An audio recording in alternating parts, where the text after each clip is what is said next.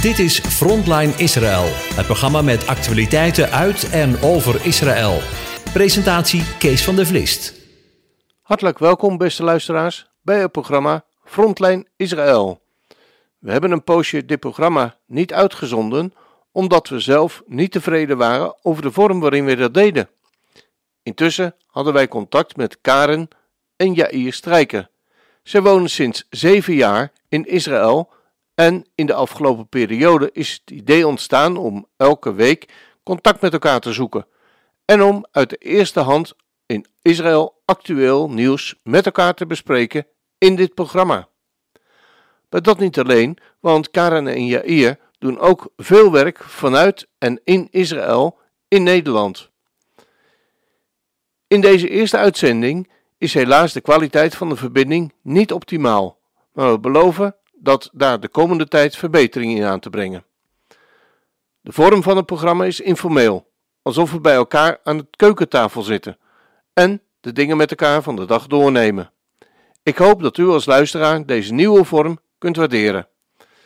We beginnen maar met het welkom heten van Karen en Jair in het programma.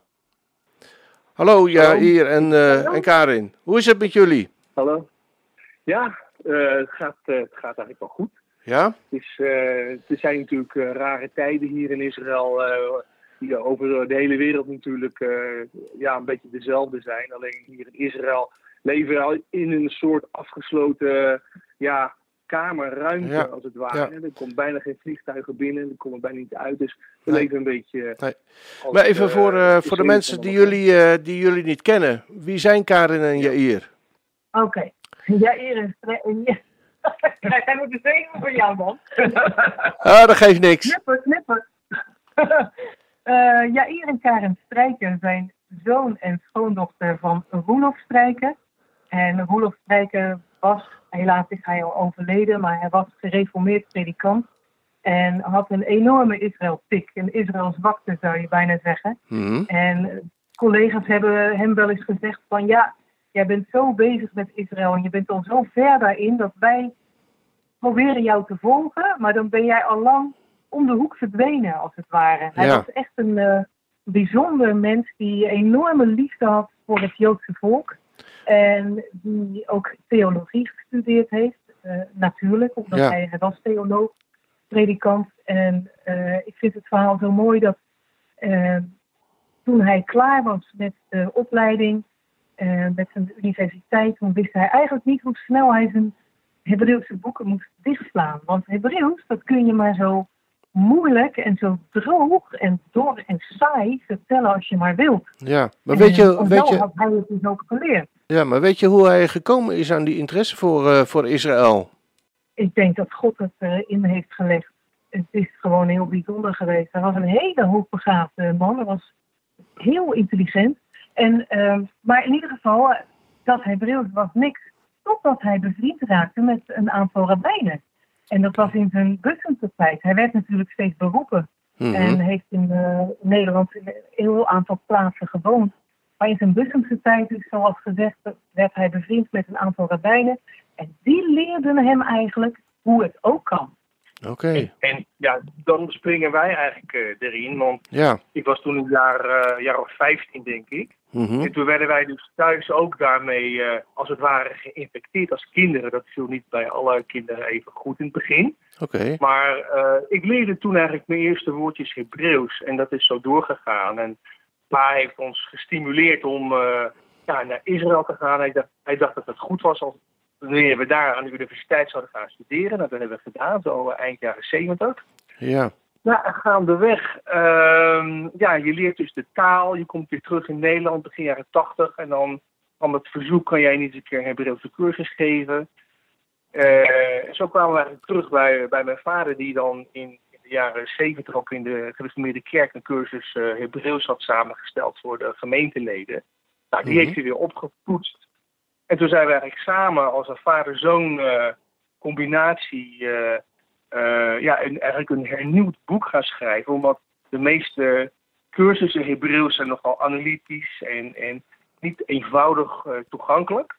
Mhm. Eh, en toen ontstond eigenlijk de cursus Hebreeuws in zes dagen gaandeweg. En ja, ik was zelf een communicatiewetenschapper van, van achtergrond. En ik werkte bij een reclame- en marktonderzoekbureau. Maar mijn liefde lag bij de taal. Ja. Toen ik ook Karen leerde kennen, toen was het iets van, ja, dit is eigenlijk ons ding. Ook ons gezamenlijk ding. Ja.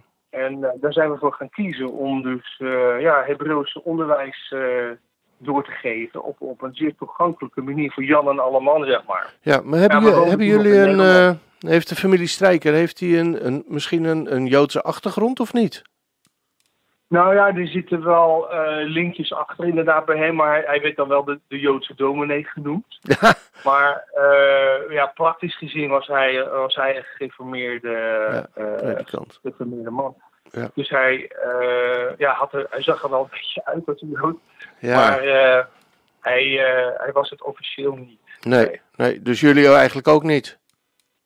Nou, ehm, ja, ik ben het officieel wel. Goed, dat is een eh, lang verhaal. Maar ik, daarom mag ik ook hier in Israël wonen. Ja, En Karin zelf heeft eigenlijk, ja, op 19e ook Joodse achtergrond. Alleen, ja, die dingen zijn niet altijd even makkelijk eh, nee, eh, nee. ja, te bewijzen. nee.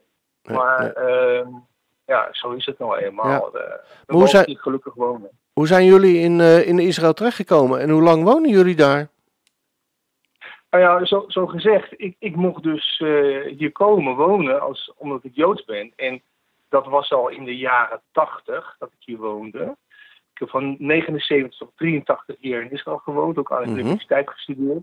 Ja, Ging weer terug naar Nederland en met het idee, ik kom wel weer een keer terug. Ik heb hier ook nog een zus wonen en die woont in de Negev.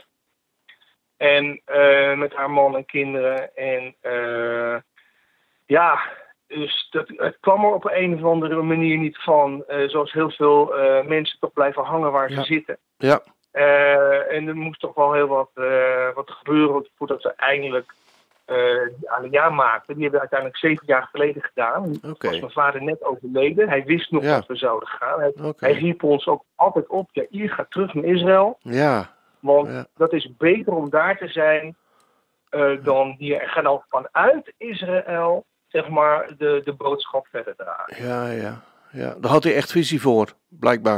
Hij had- Hij had echt visie voor de taal. En hij Ja, had visie voor het land Israël. ja, Die combinatie, Ja, ook heel ja, duidelijk. Het fysieke land Israël. En Ja. Jeruzalem natuurlijk ook. Maar blijk- De, die stad. ja, maar blijkbaar dan niet voor zichzelf. Wat zeg je? Blijkbaar dan niet voor zichzelf. Ik Want hij- hij- Oké, blijkbaar dan niet voor zichzelf, omdat hij in Nederland bleef, maar tegen jou zei van, ehm, Ja, zouden jullie Ja, niet nou, naar Israël gaan? ei- eigenlijk kwam dat hele Israël-gedeelte. Mijn moeder is niet genoemd in dit verhaal, maar zij was Mhm. eigenlijk wel, zoals vaak in een gezin de vrouw ook wel voortrekker kan zijn. Ja, Degene geweest die mijn vader stimuleerde, dus laten we nou eens naar Israël gaan. Dat was eigenlijk net na de Zesdaagse Oorlog in 1967. al dat 67, dingen. En in 73 is eigenlijk, dus direct na de Yom Kippur-oorlog, de omslag gekomen. Karen vertelde al van, nou ja, we woonden toen in Bussum. En hij had contact met rabbijnen, maar hij verbaasde zich over dat de grote verzoendagoorlog, die eh, vond plaats op vrijdag, eh, op donderdag, nee, vrijdagavond, dus op de dag van de Shabbat. ja, Hè? En, en zondags moest hij spreken, eh, preken in de kerk, een Bussum. Mhm, En iedereen eh, zat nog gezellig te praten, terwijl dus Israël dus op die dag ervoor aangevallen was. ja, En niemand had het daarover. Hij kon niet geloven, hij was natuurlijk ook een kind van uit de oorlogstijd. Ja. Hij heeft gezien hoe, hoe de, Jo- de Meppelse Joden op het, op het station stonden te wachten om weer afgevoerd te worden naar Auschwitz. ja, En eh, dat is hem nooit uit zijn hoofd gegaan, weet Nee. je wel. En hij dacht, Nee. nou, nu ga ik hier preken en Israël wordt nu weer eigenlijk in de pan gehakt, al Ja. lijkt het erop. ja, op een enorme manier verzet. Zo van jongens, we gaan bidden voor Israël. Ja, Daar was natuurlijk niet iedereen mee eens. Maar eh, de volgende dag stond hij in de krant van dominee eh, staat op. ja, ja, Dit ja, voor, ja, ja. Jullie zitten nu al een jaar of zeven in, ehm, in, in Israël. Eh, wat doen jullie daar? nou ja, wij, eh, wij zijn destijds een beetje op de Bonnefoy gegaan. Van nou, laten we maar gewoon gaan. Eh, we hadden natuurlijk in Nederland eigenlijk een goed lopend eh, studiehuis. Eh, Ja. Karen en ik gaven allebei door het hele land onze cursus Hebreeuws in zes dagen. Dat is echt in zo'n beetje alle provincies van Nederland gegeven. Duizenden boeken zijn daar ook van uh, verkocht. Ja. ja, dat was ons werk. Ja. En ja, wat zouden we dan eigenlijk doen in Israël? Uh, daar moet je geen Hebreeuws onderwijs gegeven. Ja. Maar we gingen echt zo van, jongens, we moeten dit doen.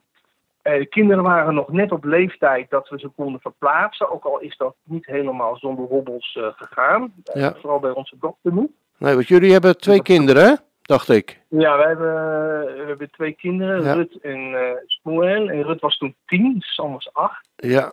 Ja. Ehm, maar goed, eh, Sam konden we nog wel omkopen joh, je krijgt een eh, laptopje.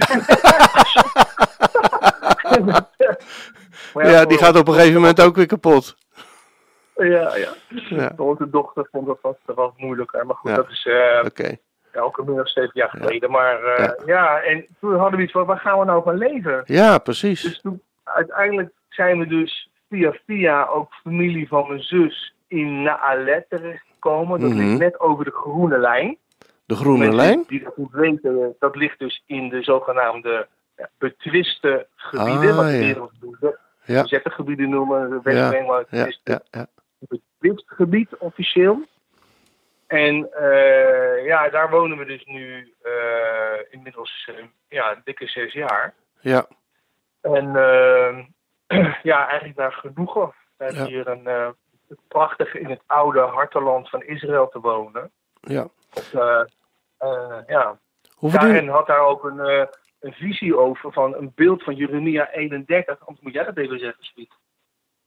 Van e- Jeremia 31 vers 6. Waar Mhm. gewoon letterlijk staat van... Kom, laten we op weg gaan eh, naar Sion. En, Ja. en, de, en de wachters die zullen staan op de bergen eh, van Ephraim en zeggen... Kom, laten we opgaan naar Sion. Nou, en dat kom, laten we opgaan... Dat staat in, dat in het Hebreeuws is dat Naaleh. Nou, zo heet Ah. dat zo. Ja. Ja. Er waren ja, nog ja, wat meer aanwijzingen die we kregen van jongens, we, mogen, we gaan ons hier settelen. We zijn Ja. officieel de settle, Ja, settlers. ja, Maar ja, hoe lang? ja, ja. Die wordt het inderdaad wel soeverein Israël, maar dat is eh politiek eh, Ja. verhaal. Ehm, ik weet dat jullie eh, nog steeds actief zijn met het eh, studiehuis Rashid. Hè, waarin jullie ook onderwijs willen geven. M- maar we zitten nu midden in coronatijd. Hoe doen jullie dat nu? Nou, eh, aanvankelijk hadden we dus zoiets van, nou, we gaan hier wonen in Haarlem. We hebben een vrij groot huis, dat is een gastenhuis. eh, dat is geschikt als gastenhuis. We Mhm. gaan nog reizen organiseren, eh, waarbij we dus onderwijs geven. Dus het is dus ontdekkingsstudiereis. Dat was eigenlijk Ja. ons doel. Ja, Nou, niet alleen maar, want er zijn genoeg organisaties die mensen overal naartoe brengen. Maar wij wilden echt ook daarbij onderwijs geven vanuit de brontaal. Weet je wel? ja, De mooie parels laten zien die, die, die terugvinden in, in Gods taal. Nou, ehm, ja, goed, dat ging dus eh, jarenlang sinds we hier woonden. Maar ook ja, is het heel erg vermoeiend werk, eh, heel intensief, veel rondreizen. eh, ook, ook huishoudelijk veel werkzaamheden, omdat we voor de mensen kookten. Dat is daar een heel zwaar geweest ook. Ja. En nu zitten we dus in die coronatijd. ja, En eigenlijk is dat voor ons een, een, een nieuwe deur die openging, waar we ook wat voor, voor, ja, voor gebeden hebben. Van mag, mag er een verandering komen? Want hoe lang houden we dit nog vol? ja, Ook eh, met, op, in opzicht van de kinderen die hier eh, die steeds ouder worden. En ehm, altijd maar mensen over de vloer hebben natuurlijk. En dat jullie altijd maar mensen... hebben. Ja, En, en in die zin dus wel doorgaan met de reizen. Maar Ja. dan niet zo heel intensief bij ons eh, in huis. Gewoon Ja. ook meer buiten. ja, Wel wat relaxter. En, eh, ja, en, en, en verder dus studeren en lesgeven via internet. Via Ja. webinars. En dat hebben we afgelopen maanden intensief gedaan. ja. Ehm, want eh, laten we even een overstapje maken naar... we komen daar straks nog heel even op terug, op, op, op jullie werk. Maar wat betekent bijvoorbeeld corona in, in, in, ehm, in Israël op dit moment? Eh, de corona, ja, die, dat is dus sinds deze week een, eh, zijn er allemaal nieuwe beperkingen ons opgelegd. Eh, gemiddeld zijn er meer dan duizend besmettingen per dag bijgekomen. Dat is gewoon Het is nogal wat. normaal zoveel. Het is echt wel 1300 gisteren. Zo. En ja, Het dodental is relatief laag. Oké, en, en, en dat- wat is de oorzaak daarvan? Dat, dat, dat er wel heel veel besmettingen in Israël blijkbaar zijn, maar dat de dodental zo laag men is. Gaat toch weer, sorry, men gaat toch weer naar eh, feestjes en men doet toch weer eigenlijk een beetje alsof er niets aan de hand is.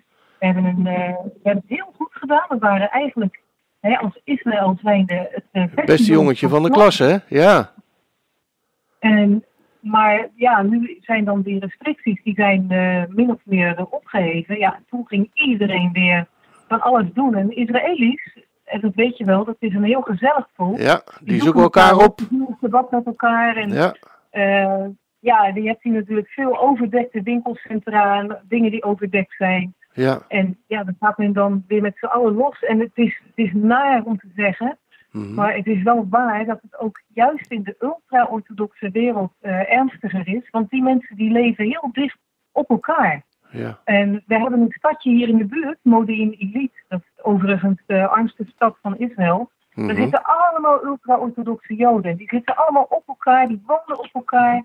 Ja. En eh, nu wordt het ook eh, afgesloten. Ook wijken van Ashdod. Zo, We weten al van drie wijken die zijn afgesloten van de rest van de wereld. ja. Gewoon omdat die mensen collectief in, de, in Bidut zitten. Bidut is eh negen steden inmiddels al, zeg je hier in mijn oor. Eh Bidut betekent dus quarantaine. Ja, Ook in Naalon, hier in ons dorp, hadden we al zes zieken en zitten er ruim 160 mensen in quarantaine. ja. Eh, wij gelukkig nog niet. Maar ik had gisteren een beetje koorts. Ja, Ja. dan trek je toch. Ja, dat kan me voorstellen. Ik had eh, vanmorgen heel Ja. even contact eh, voor deze uitzending met eh Jair. En die zegt van, nou, Kara was he- eigenlijk helemaal niet lekker gisteren. En daar hoorde Ja, ik een en beetje al in doorklinken van, nou, ja, Ja, en. Ik, en ik zit ernaast, weet je. ja, ja, Lekker aardig. ja, heerlijk. Ja, ik leef met je mee, Jair. Nu heb ik gehoord dat de orthodoxe joden zich over het algemeen niet zo heel erg veel van de regels aanhouden. Die eh, in Israël gelden ten aanzien van de coronacrisis. Is dat ook zo? Ja, weet je, dat, dat, dat, klopt deels wel, inderdaad. Het is natuurlijk opvallend dat in de Garidim-omgeving, dus de orthodoxe, zoveel besmettingen zijn. Mhm. Eh, ja, waar ligt dat aan? Kijk, het is natuurlijk een wereld in een wereldje. En deze mensen die leven dan in een ghetto in een ghetto als het Ja. ware. En die hebben geen eh, smartphones zoals wij ze hebben. Die kijken niet naar televisie. Eh, en dat is natuurlijk de verantwoordelijkheid van hun rabbijnen Mhm. om hen te waarschuwen van jongens, zus of zo. En dat, dat is gewoon niet eh, optimaal geweest. Zowel in, in, in, is een heel bekend eh, stadje, Mhm. of, of in, in de Jeruzalemse wijken. En Ja, ik, ik toevallig vanmorgen dat in, in, in Brooklyn, in New York, er juist een op, eh, ja, als het ware de meeste mensen nu eh, immuun zijn, omdat ze bijna allemaal eh, ziek zijn Ja. geweest. ontzettend. Dus ook in Amerika, en dat wordt natuurlijk gezien als asociaal als zij niet met mondkapjes rondlopen. Ja, En dan krijg je ook heel snel antisemitisme ook overheen. Dus Och, het ja. antisemitisme is, is, is schrikbarend op het moment. Het gaat net zo hard als het virus Ja. eh, rondwaait, gaat dit over internet en, en, en tweets Ja. en noem maar op. Ja. Eh, ja, ik las vanmorgen dat in, in de krant dat bijvoorbeeld in Groot-Brittannië, daar, daar beschuldigen de mensen, met name de Joden, voor de verspreiding van dat zij dit bedacht hebben. Ja, ja, dat, Ja. Dat zijn inderdaad ook eh, uitspraken. Maar Ja. dan denk je, of, ja, waarom wo- wo- sterven er dan zoveel Joden Ja. ook in Amerika aan deze Ja. ziekte, weet je wel? Ja, ja, precies. En, eh, het, het is natuurlijk een ik. al-oud eh, antisemitisch gegeven dat Joden overal de schuld kan krijgen destijds van de pest. ja, En, absoluut. En, ja, dat, dat is vandaag de dag nog steeds zo. Ja, ja, terwijl het eigenlijk natuurlijk ja, het Joodse volk als, als een zegen mogen zien. Ook in de dagen, denk ik, die wij beleven.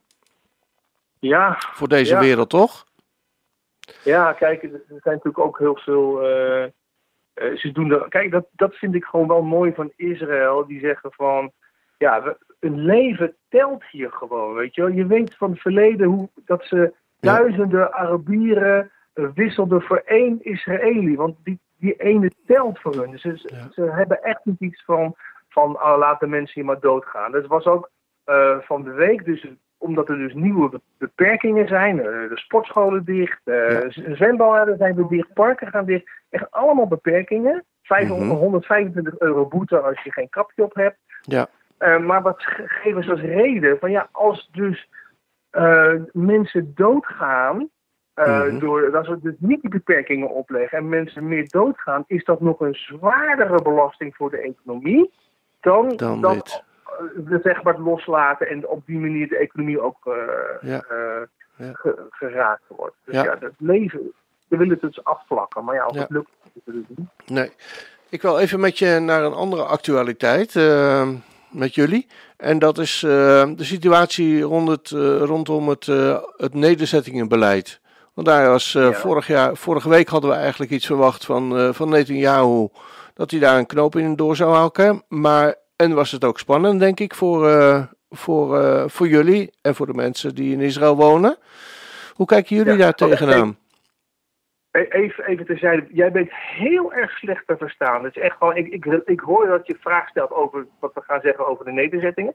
Maar het is, het is echt, ik weet niet waarom we je zo heel slecht verstaan. Het is echt een hele slechte... Eh, Nee, maar goed, ik, zal- ik, ga, ik ga iets zeggen over... eh, de nederzettingen. mij over de nederzettingen. hè? Ja, Ehm, ja, nou ja, we weten allemaal dus vanaf januari dat eh, de zogenaamde eh, eh, deal of the century daar worden uitgesproken. En mhm. die gaf dus aan, eigenlijk een beetje groen licht voor deze regering, om delen van de Shomron, die eigenlijk al onder beheer zijn van het militaire bestuur van Israël, het gebied C, toe te voegen aan het soevereine Israël. Nou, daar, uh, dit, ik zeg het natuurlijk heel beperkt, want het, voor de Palestijnen zou notabene 70% van het harteland van Israël uh, beschikbaar worden en Ja. slechts 30% voor, uh, voor Israël. Ja.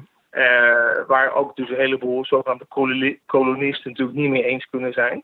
Maar goed, oké, okay, dit is een eerste stap. En uh, het betreft nu eigenlijk gewoon gebieden die dus eigenlijk al onder uh, Israëlisch bestuur, in de zin van militair Israëlisch bestuur staan. Ja. Uh, die zouden ze dan vanaf 1 juli zich toe-eigenen. Ja, er wordt gestacheld over het woord annexatie of soeverein maken. Ik denk, nou, ik bedoel er niet zo heel moeilijk over. Nee. Het gaat erom, het, ik zie het als een oorspronkelijk gebied wat al bij Israël hoorde. En het is een betwist gebied. En um, oké, dus die 30% ja, die is dus niet toegevoegd vanaf 1 juli. Iedereen, de hele wereld keek er naar uit. Wat gaat gebeuren? Nou, het is allemaal stil uh, aan ons voorbij gegaan. Er is geen actie ondernomen. En het is de vraag of het snel gebeurt. Ik persoonlijk denk dat het Israël gewoon niet moet uh, dralen. Want uh, het kan maar zo zijn dat in november een andere president daar in het Witte Huis zit. Ja. Nou, en dan hebben ze 0,0 kans om, om nog uh, het plan uit te voeren wat Trump heeft toegezegd. Ja. En uh, ja, wanneer krijgen, krijgen ze ooit weer zo'n kans? Ja. ja uh, en, en het is ook een, een, een kans voor, de, voor het Palestijnse volk om eventueel een eigen staat te stichten. Ja. Als je Vanmorgen was ik ze niet, hè? praten met Israël. Abbas wil wel praten met Israël, maar dan moet de United Nations meedoen, moet Europa meedoen, moet Rusland meedoen Ja. en de VS. Nou, dan Ja. weet je wel drie tegen één. Ja, dat gaat Dat hem niet worden. nooit. Nee, dat gaat nooit wat worden. Nee, nee, nee, nee, nee. Snap ik. Ehm, even kijken hoor. Ehm, jullie ja, we hopen dus dat ze dus wel stappen gaan ondernemen. Ik denk dat als ze het dus niet doet, is het echt een gemiste kans. Ja, maar waarom denk je dat, dat, eh, dat ze die stap niet, al- niet genomen hebben, denk je? Maar we- weet je, Kees, het is zo dat er is hier een enorme splitsing in het land zelf. Hè, tussen links en rechts. Mhm. En dat, dat schopt tegen elkaar aan. En, en dat gaat dus ook over een economische crisis waar we in zitten. En dan zegt dus links van ja, dat kan je nou niet maken om, te, om, om een stukken soeverein te maken. Want dan krijgen we kritiek uit Europa en de wereld. Dan wordt de economie nog minder. Maar ik denk dat we daar helemaal niet bang voor hoeven te zijn. Want dit is gewoon Gods land.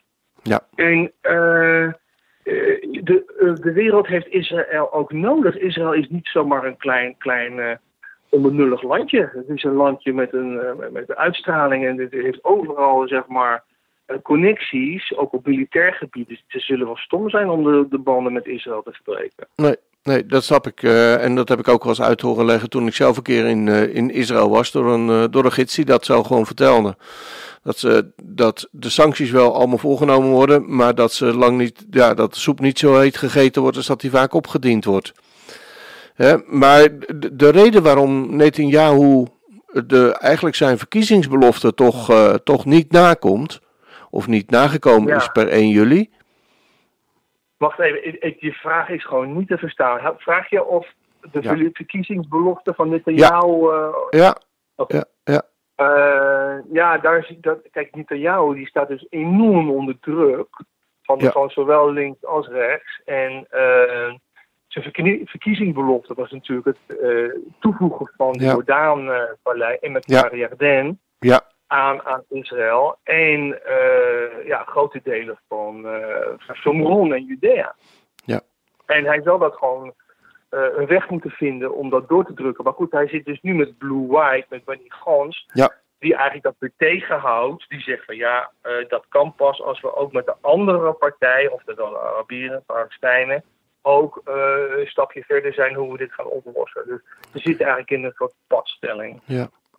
Nou, misschien dat we daar de volgende week weer eens eh, verder over kunnen spreken. Ja. Ehm, ik wil even teruggaan nog weer naar, eh, naar jullie werk, hè? Eh, met betrekking tot eh studiehuizen Rashid. Ehm, jullie komen nu de laatste weken, maanden niet meer in, in Nederland. Ehm, maar jullie doen dat via, ehm, nou, via internet. Eh, staat er binnenkort weer iets op stapel dat we, dat we iets kunnen eh, leren bij jullie? Ja, dus eigenlijk zijn we dus, omdat het dus on- ons inkomen helemaal weg, wegviel, min of meer, doordat we geen studiereizen meer organiseerden, Mhm. eh, dachten we, nou weet je wat, we gaan gewoon we gaan webinars geven. En dat viel net in de tijd van Purim en Pesach en Shavuot en Pinksteren, zeg maar, Bijbelse Bekerfeest en de, de, onafhankelijkheidsdag. Dus daar hebben we allemaal webinars over gemaakt en gezegd, oké jongens, willen jullie het volgen? Het is Mhm. gratis, wil je wat geven, we moeten ervan leven. Nou, dat heeft ons echt, ge- echt gered. Het is Ja. gewoon heel, heel goed geweest. En voor ons ook een stimulans van, jongen, hier gaan we mee door.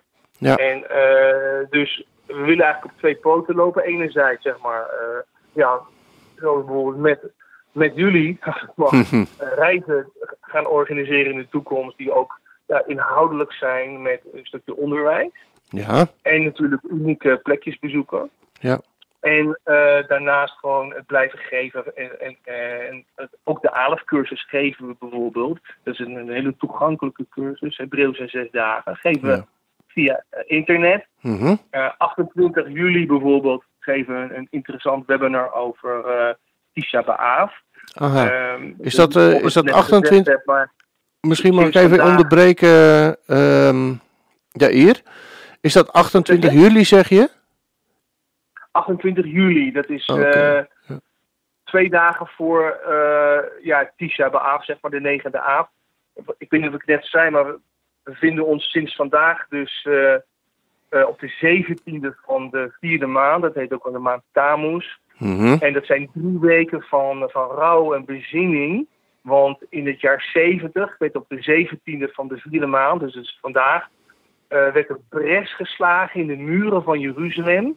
En drie weken later werd dus dan de, de laatste muren werden gebroken en werd de tempel in de, in de brand gestoken en verbrand. En dat was dus op de negende van de vijfde maand, Tisha B'Av. Ja, Dus we ja. leven dus nu. En, en kijk, we- heel vaak hebben christenen ook iets van: ja, we willen met Israël vieren, loofhuttenfeest en alle belangrijke feesten.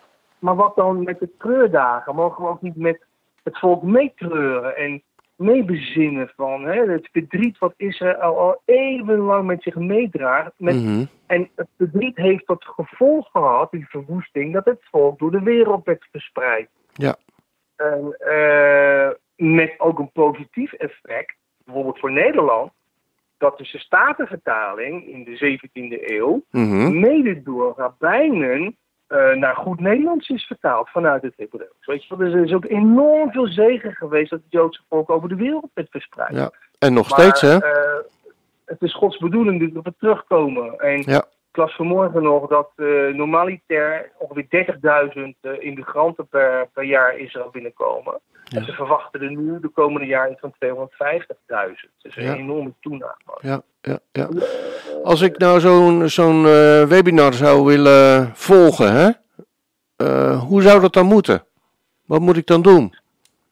Nou ja, als je ons webinar wilt volgen, dan is het makkelijkste om een e-mail te sturen naar uh, Studiehuis Regie. Dat is gewoon info en dan Studiehuis Regie. De Regie schrijf je als R-E-S-H-I-E-T. Dat Mhm. betekent overigens in het Hebreeuws eersteling, begin, dus het eerste Bijbelwoord in, in Mhm. de geschiedschrift.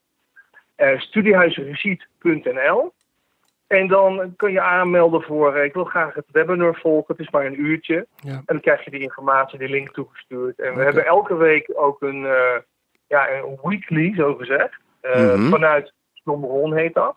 Oké, En waar we dan ook ja, grote lijnen eh, beschrijven wat er die week eh, in en rondom Israël eh, gebeurd is. Vanuit Ja. onze eigen blik. Hè, dat is natuurlijk ook een beperkte blik, ik weet het. We hebben ook natuurlijk een bepaalde vooringenomen mening. Mhm. Maar goed, het is, eh, eh, daar mag je al, eh, dat als kritische lezer ook, eh, ook meenemen en doorheen kijken. Ja. En eh, Karen eh, verzorgt dan eh, eigenlijk elke week ook de parasha, de uitleg van de, van de Torah en ook het Nieuwe Testament. Dus dat is wel Ja. een hele mooie aanvulling op elkaar. En de, en de profetenlezing natuurlijk. ja, ja. Maar je zegt, je zegt het, is een, het is een nieuwsbrief. Kan ik me daarop abonneren?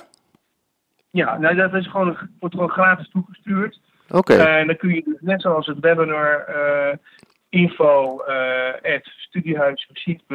of mensen kunnen ook, als ze wat meer willen weten, naar www.studiehuisreceipt.nl.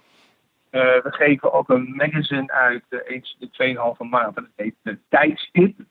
tijdstip. En dat gaat ook over Bijbelse levensstijl en ja, hele mooie Bijbelse woordstudies. Ja, En dat geven we inmiddels al tien jaar uit. Dus eigenlijk voor een, eh, eh, ja, voor een groep mensen die zich iets meer willen verdiepen in de Hebreeuwse taal. Het is gewoon een uh, bewaren magazine. oké. We hopen dat er heel veel meer eh, abonnementen komen. Dat is Nou. wel een betaald. eh, Nou. We hebben het nu in ieder geval eh, genoemd. Hè, dat eh, als mensen in ieder geval naar eh, Studiehuis www.studiehuisreceipt gaan. dat ze daar allerlei informatie kunnen vinden. Zich kunnen eh, opgeven voor, eh, eh, voor een webinar. Maar ook een nieuwsbrief. Maar ook eventueel voor, eh, voor het magazine eh, Tijd zijn. Ehm, eh, je vertelde net al iets over de Torah-lezing. Waar jullie dan aandacht aan besteden. Ehm, kun je daar nog iets over zeggen? Bijvoorbeeld Oh, voor, de, voor de volgende week? Wat Kees, over de parasha? Ja? Ja. Ik geef hem even aan Karin. Ja, Maar is dat goed hoor. het meestal, want dat vind ik leuk om te doen. Ja, En wat, wat ik doe is, ik eh, werk elke week de parasha gewoon voor. En vanuit het Nederlands en dan ga ik naar het Hebreeuws kijken. Naar eh, de woorden die daarin staan. En eh, om het vooral ook vanuit het Hebreeuws te doen. In Mhm. Nederland wordt dat moest ook heel gedaan. En het is mooi juist om dat zelf te, te bewerken. En ja, dat is wat ik doe eigenlijk. Dus ik, eh, ik maak een verhaaltje eigenlijk maar op een A4'tje. En, Mhm. en dan maak ik het verhaal eigenlijk van de parasha. Je volgt het. En eh, op die manier eh, ja, breng ik het bij de mensen.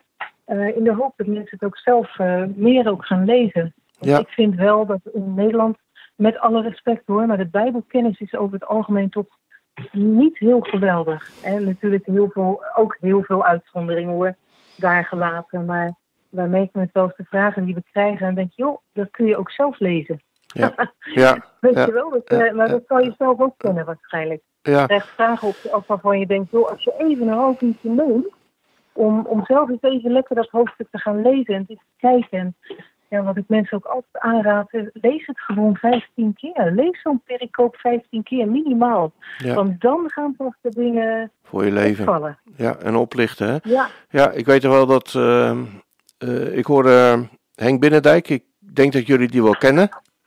ja, Eh, die hoorde ik eens een keer vertellen. Die had een vraag gesteld in een zaal met 500 mensen. Wie elke dag een kwartier in de Bijbel las, haha. dagelijks. ik weet wel wat het antwoord is. Vertel. Nou ja, dat, is, dat zijn er maar een paar. Ja, dat klopt. Dat klopt. Ja, dus eh, heel erg. daarmee is, de, ja, zeggen we ook iets natuurlijk over het geestelijk klimaat in, eh, in Nederland. Hè? Ja. Ja. dat klopt. En daarom is het denk ik mooi als, eh, als mensen zich eh, inderdaad op jullie, eh, op jullie nieuwsbrief eh, abonneren. En daardoor ook eh, heel dicht bij het woord en het Hebreeuwse woord gebracht worden. Hè, want, ja, dat zou eh, mooi zijn. ja, ja. want, nou ja, eh, er staat ergens in de Bijbel dat eh, eh, de woorden van God, die zijn het eerst aan, ja, aan Israël bekendgemaakt. Hè? Ja, Ja. zo is dat. En doorgegeven. Dat Ja. is iets waar we het Noodse volk altijd dankbaar voor mogen zijn. Absoluut. Dat zij het woord hebben doorgegeven. Dat wij wortelen in hun eh, geloof in feite. Ja. Ja. Ja. Hun zijn de woorden door Gods toebetrouwd, staat er. Ja, Ja, nou, we willen ehm, deze uitzending een beetje gaan. eh, het is een eerste keer, dus het, voor ons was het ook voor jullie en voor ons was het een beetje uitproberen van hoe gaat het nu. Ehm, Het laatste waar ik eh, mee zou af willen sluiten. Ik ben vreselijk benieuwd naar het weer bij jullie. Want bij ons eh, is er niks anders dan regen en motregen. En, maar hoe is dat bij jullie? Hier zijn de weersverwachtingen prima. Wij hebben het hier nu half bewolkt, maar erg benauwd. Maar eh, het gaat vanzelf wel weer, de wolken gaan wel weer weg en dan wordt het weer gewoon heet. Ja, ja, ja. Wat Dus, is de temperatuur op dit de 30 moment? graden. Rond en nabij de 30 graden. Oh, Oké, ja, dat eh, kunnen wij eigenlijk alleen maar van dromen. Maar eh, Ja. zo, zoals het aan jullie te horen is, eh, heeft het ook weer zijn nadelen te pakken. Ja, Ja, goed. wij hopen op een regenbui, dus stuur maar wat naar ons toe. Dan sturen wij wat te warmte Ja. naar jullie. Ja, dat is goed. Dan wordt zijn we alle twee tevreden weer, hè? Nee, we zijn nooit. We, we blijven rechtgeaarde Hollanders. Ja, ja, mooi om te horen. Goed, ehm, willen jullie de, onze luisteraars misschien nog iets eh, als laatste iets meegeven voor de komende week? Ik Ehm, overval nou, ik zou zeggen, lees Parasha Pinchas en eh, geniet van eh, de prachtige bijbelteksten, van ook de herhaling weer, waarin God opnieuw zegt dat de bijbelse feesten moeten worden gevierd Mhm. en hoe dat dan gaat. En eh, ja, er is altijd eh, meer onderwijs over hoe dat dan nu zonder tempel ook kan. En eh, ja, blijf Gods woord lezen. Herhaal, herhaal. Dat zeggen we in de ALF-cursus ook altijd. Als we herhalen en herhalen, dan alleen kan de inhoud indalen. Ja. Goed, Ja. nou, heel hartelijk bedankt eh, voor, voor jullie eh, medewerking in dit programma Frontline. Ehm, we, hopen dat, Dankjewel. we Ja, hopen dat jullie een goede week zullen hebben. dankjewel. En- Ja, en wederzijn. Ja, dankjewel.